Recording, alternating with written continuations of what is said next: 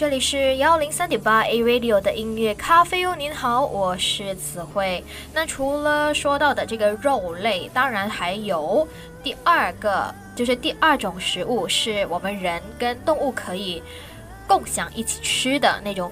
呃，说法了。那第二呢是鱼类，那鱼是狗的另外一种很重要的蛋白质来源哦。那因为我们要知道，就是鱼类呢，它是富含有丰富的。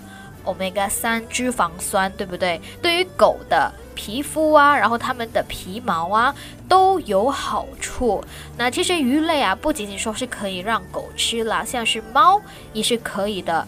而根据专业人士的建议啊，鱼类就可以选择比如桂鱼、呃沙丁鱼，然后像是三文鱼等等都是可以的。那如果要更加的。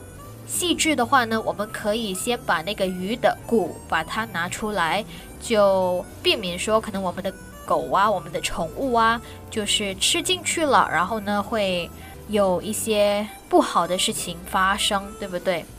那确保这个鱼是要彻底的煮熟啊，千万不要吃那个生鱼。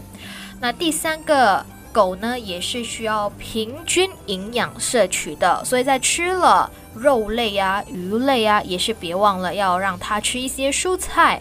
那当然也是要选择正确的蔬菜了。有一些蔬菜对于狗来说是可以吃、安全的，可以为它们提供额外的营养素，可以安全的吃，像是可以选择胡萝卜，然后青豆。